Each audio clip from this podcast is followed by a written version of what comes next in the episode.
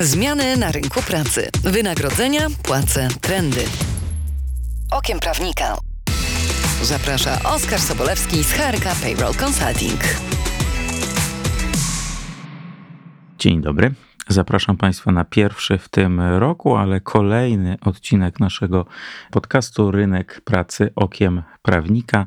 Zapraszam Państwa dzisiaj na rozmowę. Moim gościem będzie Karolina Kanclerz, partner zarządzająca biurem kancelarii PCS Paruch Chruściel Shifter Stępień Kanclerz Littler we Wrocławiu. Specjalistka w obszarze prawa pracy, która doskonale zna oraz rozumie specyfikę firm funkcjonujących w tym regionie posiada bogate doświadczenie w stałej obsłudze prawnej podmiotów gospodarczych, łącząc interdyscyplinarne doświadczenie z biznesowym podejściem do prowadzonych e, spraw. E, jeżeli chodzi o kancelarię, to jest to wiodąca i największa w Polsce firma prawnicza HR, jak również e, część największej na świecie praktyki prawa pracy Littler.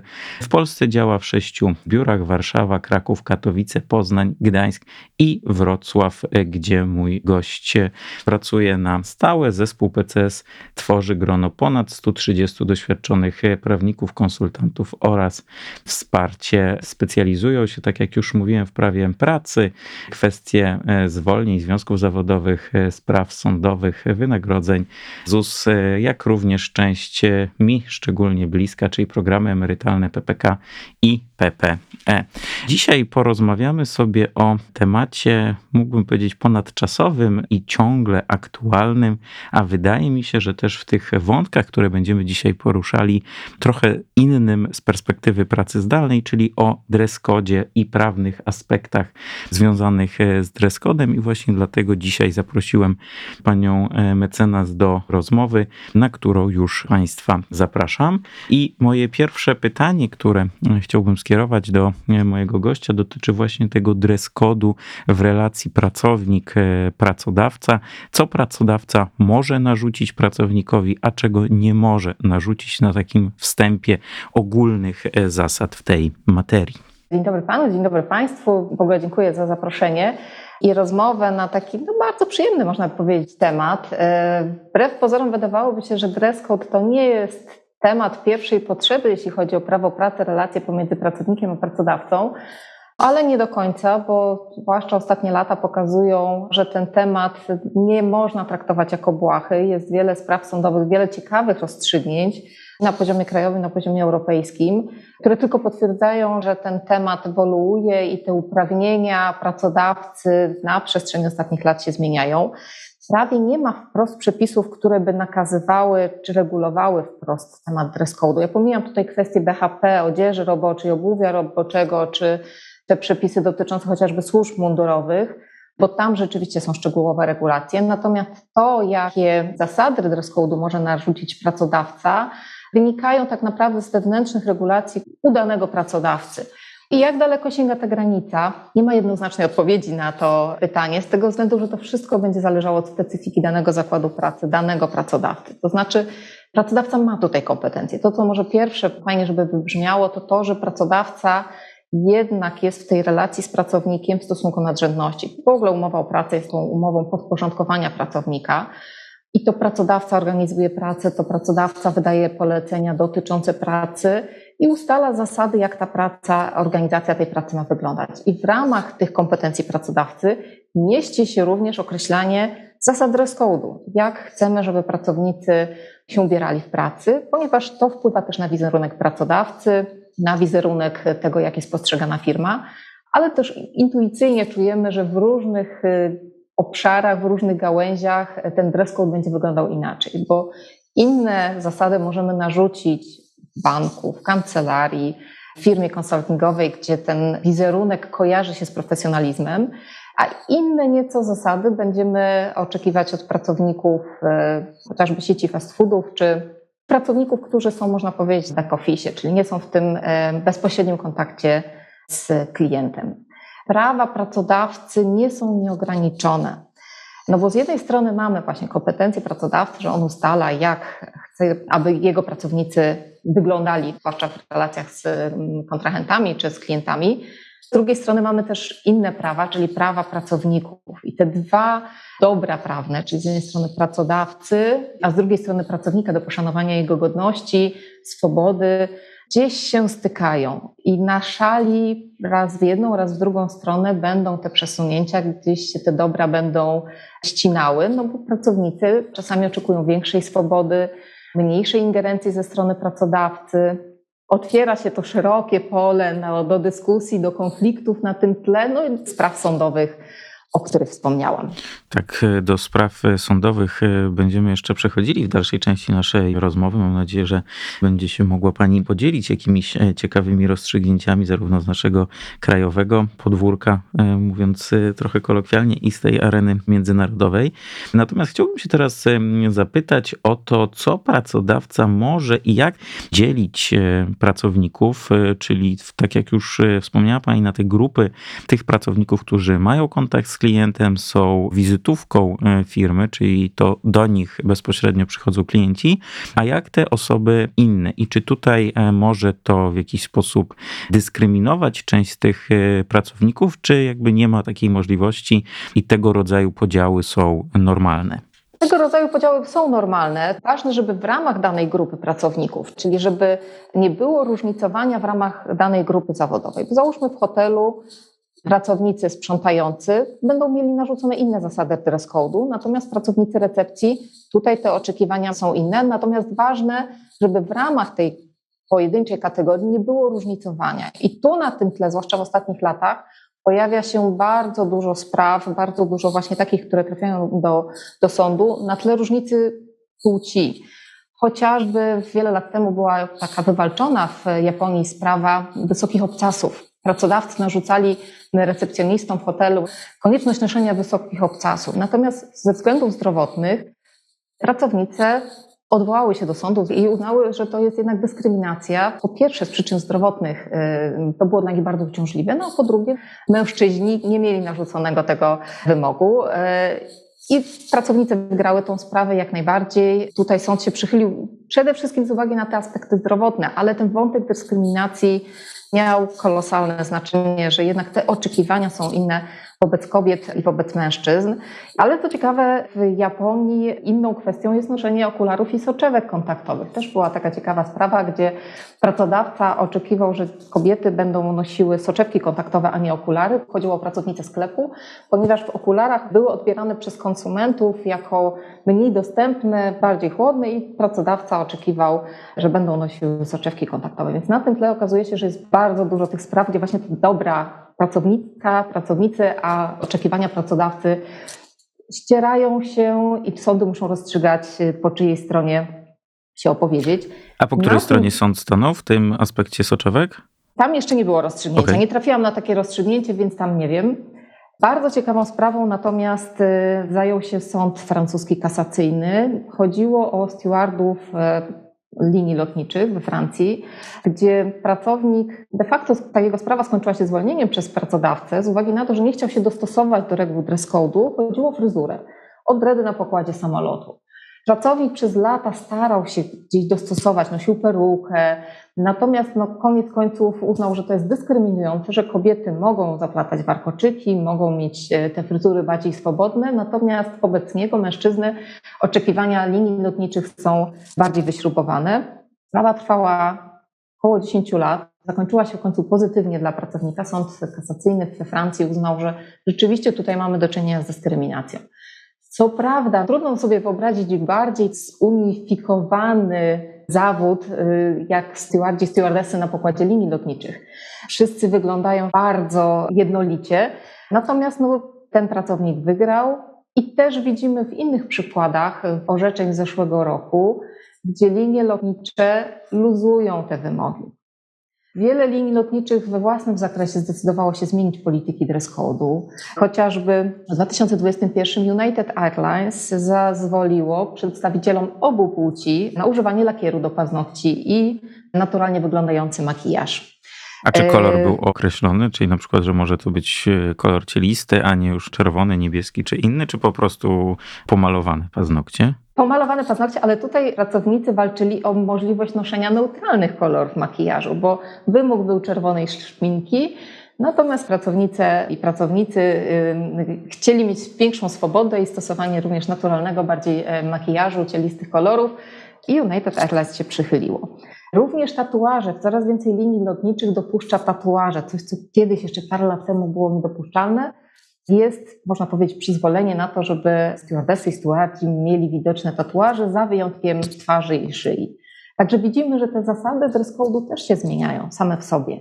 I też to orzecznictwo dzięki temu się troszeczkę zmienia, że już i konsumenci trochę inne mają podejście. Już kiedyś tatuaże to jednak były kojarzone z specyficznym środowiskiem. No teraz coraz więcej osób, konsumentów i też właśnie osób podróżujących liniami lotniczymi sami mają tatuaże, w związku z tym to już nie dziwi, nie szokuje, jeżeli steward czy stewardessa mają tatuaż. Wracając trochę na nasze podwórko do regulacji polskich, jakbyśmy mieli w praktyce spojrzeć na takie zasady, których pracodawca może wymagać od swoich pracowników i pracownic, jak to jest tak naprawdę z tymi właśnie fryzurami, z kolczykami, tatuażami, ale też bielizną, bo przygotowując się dzisiaj do tego nagrania, trafiłem na kilka spraw, gdzie kwestia właśnie bielizny i to nie tylko u kobiet, ale również e, u mężczyzn była gdzieś przedmiotem dyskusji, na ile pracodawca co może w to ingerować. Jakbyśmy na tych poszczególnych przykładach mogli też na to, na to spojrzeć i gdybyśmy tutaj z perspektywy pracodawcy chcieli przygotować takie zasady, to tak naprawdę jak daleko idące one mogłyby być w tym aspekcie? Nie tylko ubiór, nie tylko czy pracownik ma mieć taką koszulę czy inną, ale też y, w tych zasadach dress code'u pracodawcy mogą wewnętrznie regulować zasady całego wizerunku, czyli właśnie kolczyki, fryzura, ale to będzie zależało od specyfiki danego środowiska, bo można oczekiwać i uznać, że uzasadnione będą oczekiwania pracodawcy do tego, że chociażby czy fryzura, czy kolczyki w widocznym miejscu y, gdzieś w brwiach y, nie będą pożądane na stanowisku banku, no to już takie oczekiwanie wobec pracownika restauracji czy w branży IT, takie oczekiwania już nie będą uzasadnione. I tutaj się będzie tak naprawdę, jeżeli takie sprawy no, spotkają się z zastrzeżeniami ze strony pracownika, one będą oceniane przez sąd w razie sporu indywidualnie dla danego przypadku. Tutaj nie będzie uniwersalnej zasady, co można, czego nie można. Bo taką sprawę sąd będzie analizował właśnie w kontekście, o jakim miejscu pracy mówimy, o jakim stanowisku mówimy, czy nawet nie tylko branża, ale też nawet stanowisko. Bo jeżeli można oczekiwać od pracownika w firmie konsultingowej, jakiejś finansowej, będzie przychodził do pracy w garniturze i gładkiej koszuli, no to narzucenie takiego stroju dla pracownika sprzątającego tej samej firmie będzie nieuzasadnione. Tutaj to będą nadmierne oczekiwania, zupełnie nieuzasadnione, pozbawione podstaw i w takiej sprawie, w takiej sytuacji pracodawca by przegrał. Więc to nie tylko branża, ale nawet stanowisko się tutaj liczy, czego możemy oczekiwać, czego nie możemy oczekiwać. I to, co musimy mieć na uwadze, że sąd będzie patrzył na tą proporcjonalność. Czy te nasze oczekiwania, które chcemy narzucić pracownikom, są w danej sytuacji uzasadnione. Chociażby pracownik w sieci fast foodów, możemy oczekiwać, że ta osoba sprzedająca fast foody będzie miała strój hamburgera, albo na przykład reklamująca tą naszą sieć, że będzie stała przed lokalem w stroju hamburgera. Ale już narzucenie takiego stroju dla pracownika księgowości w tej sieci fast foodów już tak naprawdę by zostało uznane za naruszające godność pracownika, ośmieszające, y, uwłaczające. Więc nie ma uniwersalnej zasady, trzeba patrzeć zdroworozsądkowo, mając też na uwadze, że właśnie w tych ostatnich latach coraz większą wagę przywiązuje się do swobód pracowniczych. Czyli już ten pracodawca coraz mniej, tak jak moja obserwacja z roku na rok, coraz mniej ma taką zupełną swobodę, coraz więcej przesuwa się ta granica w stronę też y, dbania o interesy pracownika, o jego dobra, o jego prawa, o prawa pracownicze. I tutaj powiem o bardzo ciekawej sprawie z grudnia minionego roku. Ciekawej o tyle też, że dotyczy polskiego rozstrzygnięcia Sądu Najwyższego, czyli naszego lokalnego podwórka. Sprawa dotyczyła, pracownik był w trakcie zmiany płci z męskiej na żeńską, natomiast formalnie w papierach, dokumentach cały czas jako płeć to była płeć męska i nie nazwisko męskie. Pracownik aplikując na stanowisko już, już był w stroju kobiecym, powiedział, że jest w trakcie zmiany płci. W zasadzie identyfikował się jako kobieta. To był pracownik recepcji i w momencie, kiedy doszło do wydania stroju służbowego, który był różny dla kobiet, różny dla mężczyzn, odmówiono wydania stroju służbowego damskiego. Z uwagi na to, że w dokumentach no jednak był to jeszcze cały czas mężczyzna. Sprawa trafiła do sądu. W pierwszej instancji sąd się opowiedział po stronie pracodawcy, w drugiej po stronie pracownika. Sprawa ostatecznie trafiła do Sądu Najwyższego i Sąd Najwyższy przychylił się tutaj do sytuacji pracownika, to znaczy strój służbowy powinien być wydawany taki, z jaką płcią identyfikuje się pracownik, czyli nie taka, jaka jest formalnie w papierach stwierdzona, tylko ta tożsamość płciowa podlega na tyle ochronie, że pracownik ma prawo żądać wydania stroju służbowego damskiego, jeżeli jego tożsamość płciowa jest e, właśnie taka. Więc to jest rzeczywiście bardzo ciekawe I to było orzeczenie rozstrzygnięcie Sądu Najwyższego? Sądu Najwyższego Polskiego z grudnia 2022. Biorąc pod uwagę sytuację, biorąc pod uwagę pokolenie Z, które coraz częściej jest spotykane na rynku pracy, wydaje mi się, że też e, te zmiany, które zachodzą w ramach tego pokolenia, mogą też wymuszać innego rodzaju spojrzenie i innego rodzaju potrzeby pracowników i pracownic. I ten e, wspomniany przez Panią przykład myślę, że może być też takim później gdzieś e, wykorzystywanym jako ten argument i ta siła w dyskusji w relacji pracownika-pracownika pracownicy z pracodawcą. Także wydaje mi się, że tutaj ten rynek może coraz bardziej kształtować się w kierunku rynku pracownika. Czy myśli pani, że tego rodzaju sprawy będą się częściej zdarzały i sądy będą tego rodzaju sprawy rozstrzygały? Tak, jestem przekonana, że tych spraw będzie coraz więcej. Tym bardziej, że widzimy, że po tym okresie pracy zdalnej, postpandemicznym, Zmieniło się też nastawienie pracowników do stroju służbowego. Większość pracowników pracujących w domu pracuje w dresie pomimo, że teraz już pracownicy zostali, można powiedzieć, wezwani do biura, że coraz więcej pracodawców oczekuje, że pracownicy przynajmniej przez część czasu pracy będą pracowali z biura, to przyzwyczajenie do bardziej swobodnego stroju pozostało.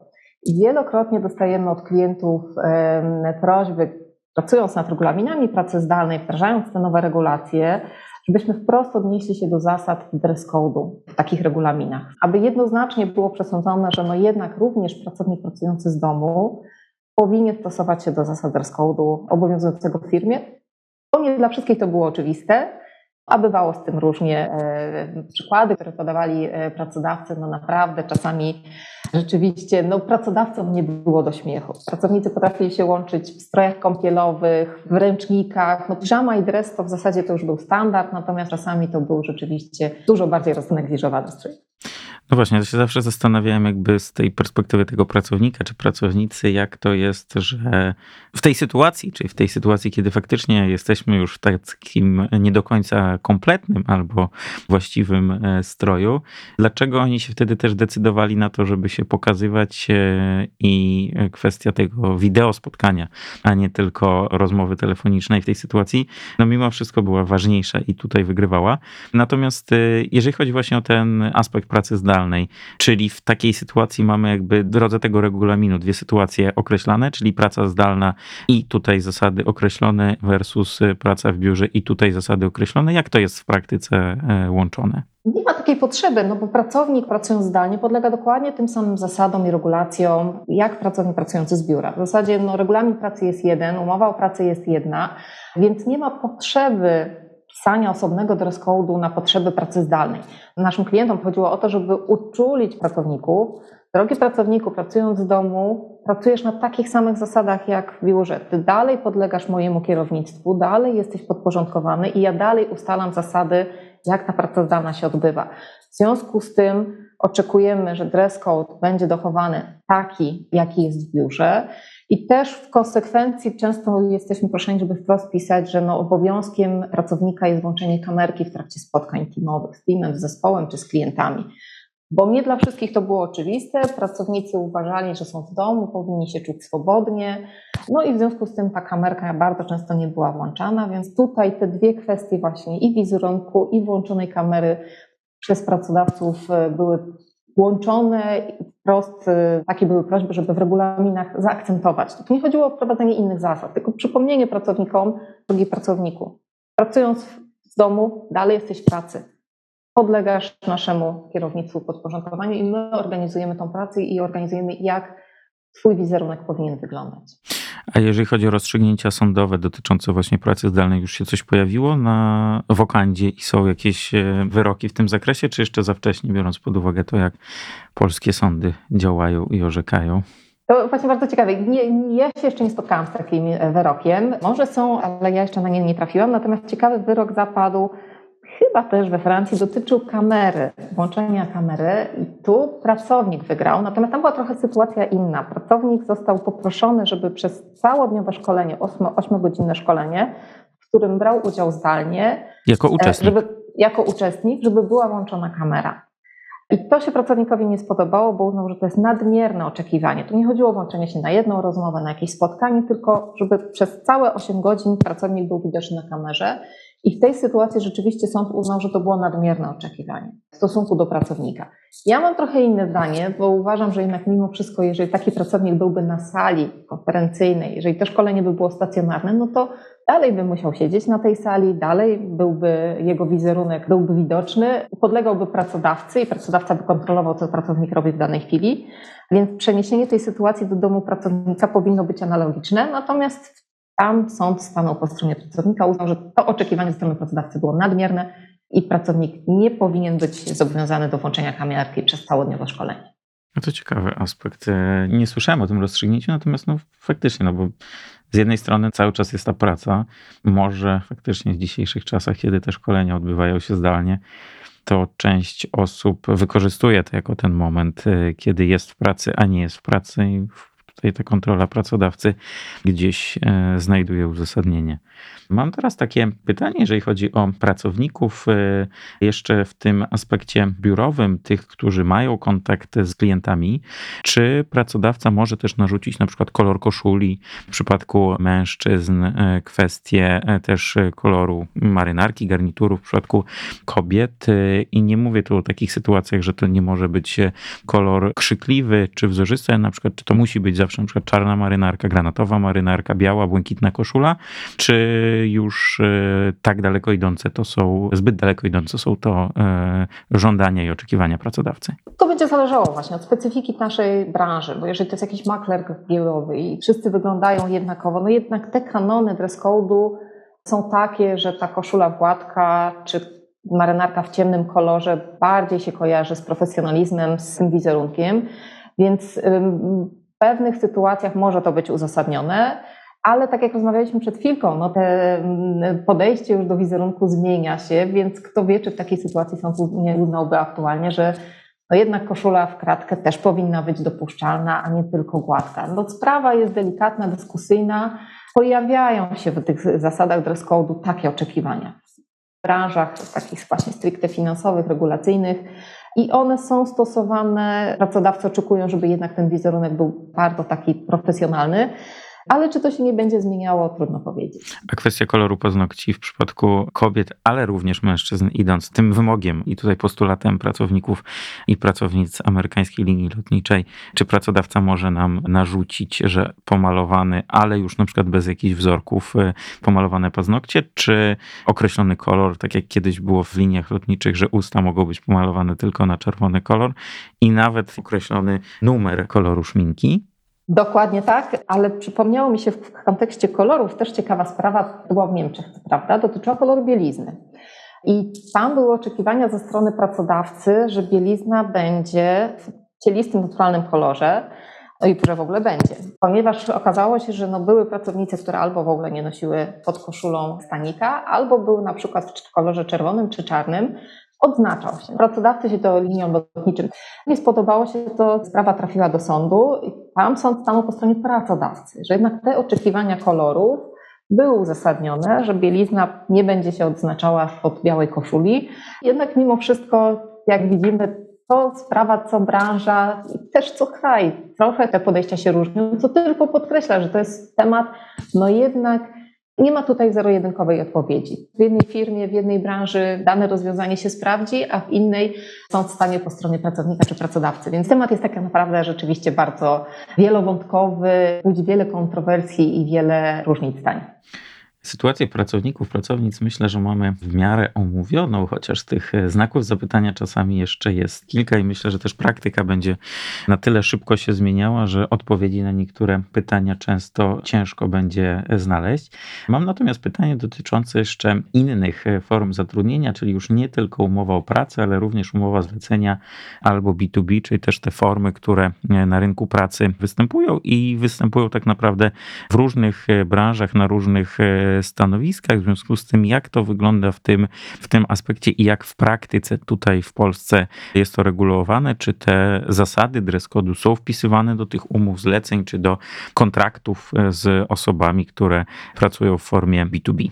Tu sytuacja jest rzeczywiście troszeczkę inna, no z tego względu, że Umowy zlecenia czy B2B nie są tymi umowami podporządkowania, czyli mamy dwie równoległe strony, dwóch partnerów gospodarczych, biznesowych, którzy współpracują na takich zasadach, na jakie się umówią. Więc rzeczywiście to oczekiwanie określonego dress code'u, jeżeli byśmy chcieli mieć wiążącą klauzulę, to powinniśmy się do niej odnieść w umowach. Zresztą szczerze nie widziałam, żeby rzeczywiście trzeba było o tym pisać, że te umowy, które są na te stanowiska bardziej prestiżowe, dla wszystkich jest to oczywiste, że to oczekiwanie określonego stroju wiąże się z daną funkcją aktora zarządzającego, członka zarządu. Natomiast y, jeżeli chcielibyśmy jako firma zadbać o to, żeby mieć taką mocną klauzulę, no to trzeba by było odpowiednio się do tego odnieść w umowie. Niektórzy odsyłają po prostu do zasad dress code'u. Jeżeli jest jakiś dress code, y, który nie stanowi cząstki regulaminu pracy, często to są spisane osobne jakieś polityki służbowe, nie są wprost sklejone do regulaminu pracy, wtedy jest o tyle łatwiej, możemy odesłać, tak, że w firmie stosowane są takie i takie zasady i oczekujemy stosowania się do nich e, przez naszego kontrahenta. Dlatego, jeżeli byśmy chcieli zadbać, mieć taką pewność, że możemy tego oczekiwać, egzekwować, powinniśmy po prostu to uregulować w umowie, ponieważ tu już nie mamy przy umowach B2B zlecenia tej możliwości wydawania poleceń związanych z pracą, tylko nasz kontrahent realizuje umowę na taką, na jaką się umówiliśmy. A jeszcze trochę tak uzupełniając e, ten temat, w ogóle dress code'u się często pojawia. Jakby tutaj pracodawcy często do tego nawiązują, czy raczej są to już w takim aspekcie takiego stricte regulowania e, i wpisywania tego do regulaminów, czy raczej to są jakieś albo ogólnie wspomniane zasady, czy w ogóle się nie pojawiają? A jeżeli jest e, częściej to występuje, to w jakich to jest branżach i jak to wygląda jeszcze? Pojawia się za często, ale ostatnio, tak jak rozmawialiśmy, po tym okresie pracy zdalnej i pandemii, temat coraz częściej wybrzmiewa. I też te wyroki sądowe pokazują, że jednak y, przenoszą się też te sprawy, te konflikty na inne pole, różnicy płci, że jednak mężczyźni chcieliby chociażby nosić makijaż, czy mieć pomalowane paznokcie, kobiety nie A kwestia brody? wysokich obcasów. Bo kiedyś spotkałem tak. się z tą sytuacją, że pracodawca kazał pracownikowi zgolić brodę, powiedział, że broda się źle kojarzy. To może czy nie może? Oj, y, widziałam takie zapisy. No moim zdaniem to było nadmierne oczekiwanie, tak? To tu uznałabym, że tu pracownik powinien mieć y, dowolność, swobodę, chyba żeby chodziło o jakieś kwestie BHP. Nie, to była ale... praca biurowa praca biurowa, to wydaje mi się, że takie oczekiwanie by było nadmierne ze strony pracodawcy. Bo rozumiem, że jeżeli e... wspomniałby, że to ma być, nie wiem, schludna albo przystrzyżona, czyli zadbana, no to jeszcze mogłoby się mieścić gdzieś w jakichś ramach e, ingerencji pracodawcy w brodę, ale przy takim wymuszeniu na pracowniku braku posiadania brody to już jest... To już mogłoby być uznane za nadmierne.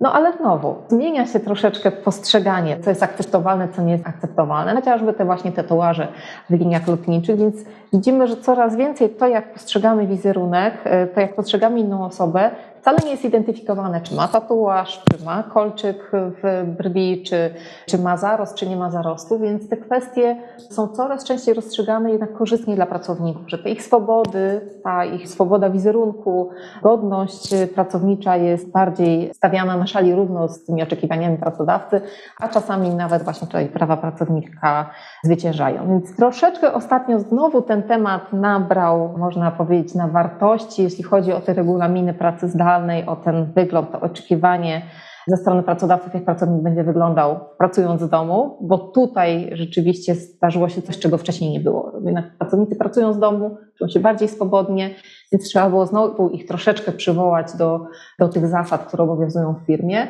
Natomiast do tej pory bardzo często to nie było takich e, spraw. Wydaje mi się, że jednak na przestrzeni ostatnich lat utarło się już, jak w określonych branżach pracownik powinien wyglądać. Te sprawy to nie były, nie były jakieś bardzo częste, no ale jak już się zdarzały, to tak jak widzimy, to już kończyły się na sali sądowej z różnym skutkiem. A częściej jednak polskie orzecznictwo staje po stronie pracownika, pracodawcy, czy raczej pół na pół? Pół na pół. Powiedziałabym, że pół na pół. Sprawy, które były w sądach polskich, częściej dotyczyły na przykład mm, nadmiernych oczekiwań ze strony pracodawców też w drugą stronę, że pracownica na przykład powinna nosić bardzo krótką spódniczkę, pracując w gastronomii czy w jakimś pubie, właśnie wysokie obcasy, że zakrawało to dyskryminację, molestowanie seksualne, więc takie sprawy trafiały na wokandę. To, czy pracodawca każe mi zgolić brodę, czy nie, ja się odwołam do sądu, tych spraw jest e, zdecydowanie mniej, to są bardzo rzadkie, bardzo rzadkie sytuacje, to raczej widzimy za granicą, e, gdzie tam e, pracownicy chętniej walczą o swoje prawa i decydują się pójść do sądu. Polski pracownik, polska pracownica chyba jednak mimo wszystko często odpuszcza i nie chce walczyć w takiej sytuacji, jeszcze nie są gotowi, ale to też chyba kwestia tego, że na to rozstrzygnięcie długo trzeba czekać. Pamiętam, że jeszcze przygotowując się i rozmawiając przed, przed naszą rozmową, nawiązała Pani do tematu klubu nocnego i tam też był jakiś wątek e, związany z dress codem. Jakbyśmy mogli jeszcze do tego nawiązać. Tak, w, kilka lat temu, to chyba z trzy lata temu, była sytuacja w pewnym barze w Warszawie, w której pracodawca oczekiwał założenia bielizny, noszenia stanika przez barmankę, uznał, że jej strój jest zbyt wyzywający, że nie nosi bielizny. Więc to troszeczkę Czyli brak stanika pod koszulą, coś takiego, pod bluzką? Pod koszulką, tak. Czy pod t-shirtem. Sprawa nie trafiła do sądu. Ja nie kojarzę, żeby ona była w sądzie, natomiast była duża debata wtedy. Mhm. Y, duża dyskusja się rozgorzała czego może oczekiwać pracodawca. I to było tyle ciekawe, że z reguły w pubach właśnie te oczekiwania są w drugą stronę, tak? że pracodawca oczekuje tej krótkiej spódniczki, żeby zachęcić klientów. Natomiast y, tam pracownica uznała, że to powinna być jej decyzja, czy ona chce nosić bieliznę, czy nie. I duża dyskusja się rozgorzała. Pracodawca koniec końców odpuścił. Tak jak pamiętam, to ta sprawa nie trafiła do sądu, bo rzeczywiście pracodawca odpuścił, zrobił krok wstecz, powiedział, że to ok, to pracownica niech decyduje we własnym zakresie. I temat troszeczkę ucichł, ale znowu w pubie można by było rzeczywiście uznać, że tu pracownica może mieć większą swobodę. Natomiast w jakimś urzędzie, w sądzie, w przychodni, no już te oczekiwania jednak ze strony pracodawcy mogły być uzasadnione. Rozumiem. Powoli zbliżamy się do końca naszej rozmowy. Mam jeszcze pytanie dotyczące ogłoszenia o pracę i tego etapu rekrutacyjnego. Czy te wątki dress code'u pojawiają się w ogłoszeniach, czy one powinny się pojawiać, tak żeby też to oczekiwanie po zakończonym procesie rekrutacyjnym, żeby w tej sytuacji nie okazało się, że praca jest e, interesująca i zarówno jedna, jak i druga strona chce nawiązać ten stosunek pracy. Pozostałe wymagania są zaakceptowane przez obie strony, ale właśnie kwestia dress code'u jest tym, które nie pozwala temu, najczęściej to pracownikowi, na podjęcie pracy w takim miejscu. Tutaj jakie ma Pani doświadczenia w tym zakresie? Nie pojawiają się informacje o dress w ogłoszeniach, bardzo sporadycznie, co też tylko potwierdza, że ten element dress code'u jest można powiedzieć, takim tematem drugiej kategorii w miejscu pracy. Tam, gdzie doradzałabym klientowi zamieścić taką informację, to jeżeli to byłyby wyjątkowe, niestandardowe oczekiwania. No chociażby właśnie rekrutujemy do sieci fast foodów i ten pracownik będzie musiał nosić strój hot doga na przykład, czy hamburgera, tak? Więc chciałby wiedzieć wcześniej, czy rzeczywiście musi nosić taki strój, czy nie. Wtedy bym doradzała, żeby sobie rzeczywiście skrócić, e, e, oszczędzić może rozczarowań tak, ze strony pracownika, ale w takich stanowiskach, gdzie to jest y, oczywiste, to raczej bym nie pisała. No chyba, że znowu nie jest to oczywiste dla potencjalnego kandydata. Rekrutujemy informatyka. Informatycy z reguły są przyzwyczajeni do bardziej luźnego, swobodnego wyglądu, a jednak w naszej firmie mamy te oczekiwania, że to ma być załóżmy garnitur, tak? Jeszcze w określonym kolorze, czy nawet strój służbowy jest y, oferowany przez firmę. Chyba się nigdy nie spotkałem z informatykiem w garniturze, ale to może. Tak. Więc wtedy bym napisała rzeczywiście, że takie są oczekiwania. Czy one są uzasadnione, czy nie, to już nie mnie to rozstrzygać. Natomiast y, właśnie, żeby oszczędzić sobie czasu niepotrzebnej dyskusji, napisałabym wtedy w ogłoszeniu taką informację, aby wykluczyć tym mniej, uprzedzić pracowników, z czym się będzie wiązała ich praca. Jeszcze biorąc pod uwagę to, jak wygląda branża IT i jakie są potrzeby i oczekiwania, to myślę, że żaden z pracodawców nie decydowałby się na nakazywanie informatykom chodzenia w garniturze, ale może te trendy na tym rynku będą się zmieniać. Czy jeszcze w tym aspekcie chciałaby Pani coś dodać, e, jeżeli chodzi o kwestię dress code'u, czy jeszcze ewentualnie jakieś e, orzeczenia, wyroki w tym aspekcie e, chciałaby Pani przytoczyć, podzielić się z naszymi słuchaczami i słuchaczkami? Wydaje mi się, że chyba już te wszystkie, które mi tak na świeżo przyszły do głowy, to chyba już e, o nich wszystkich wspomniałam.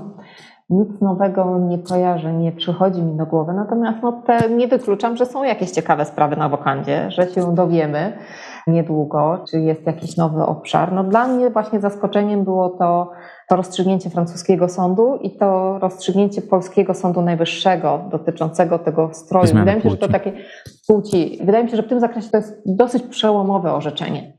Że pracodawca, wydając strój służbowy, kieruje się w zasadzie deklaracją pracownika. Wiadomo, że każda sprawa jest indywidualna. Tutaj już mieliśmy taką sytuację, że pracownik był w trakcie formalnej zmiany płci. To wszystko się toczyło. Ten pracownik od początku, jak przyszedł do firmy, już nosił strój kobiecy. I dlatego sąd też uznał za uzasadnione, ok, uniform służbowy też powinien być taki jak dla kobiety.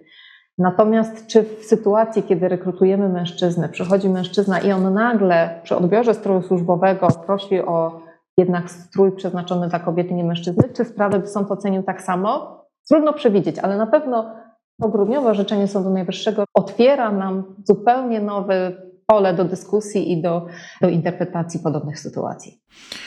Bardzo dziękuję za rozmowę. Moim gościem była dzisiaj Karolina Kanclerz, partner w kancelarii PCS Paru Chruściel Shifter Stemping Kanclerz Littler, czyli największej w Polsce kancelarii zajmującej się przede wszystkim prawem pracy, HR-em i całym tym obszarem wiodąca kancelaria w Polsce. Bardzo Pani dziękuję za naszą dzisiejszą rozmowę. Wydaje mi się, że udało nam się odpowiedzieć na wiele pytań dotyczących dress w miejscu pracy, a także pokazać, jak e, ewoluuje linia orzecznicza, jeżeli chodzi o Polski Sąd Najwyższy. No tu muszę przyznać, jestem bardzo zaskoczony tym rozstrzygnięciem dotyczącym tej pracownicy, o której rozmawialiśmy na samym końcu również. No i wydaje mi się, że faktycznie biorąc pod uwagę rynek e, pracy i to, że rynek pracy jest coraz e, bardziej i pomimo tych e, obecnych sytuacji gospodarczych rynkiem pracownika, to wydaje mi się również, że te trendy będą w tym kierunku ewoluować. Jeszcze raz bardzo Pani dziękuję i mam nadzieję, że uda nam się jeszcze kiedyś na inne tematy związane bezpośrednio z prawem pracy porozmawiać. Bardzo dziękuję. Do zobaczenia, do usłyszenia. Wysłuchałeś podcastu Rynek Pracy Okiem Prawnika. Dziękujemy, że jesteś z nami. Aby być na bieżąco, zapraszamy na profil HRK na LinkedInie i na www.hrk.pl.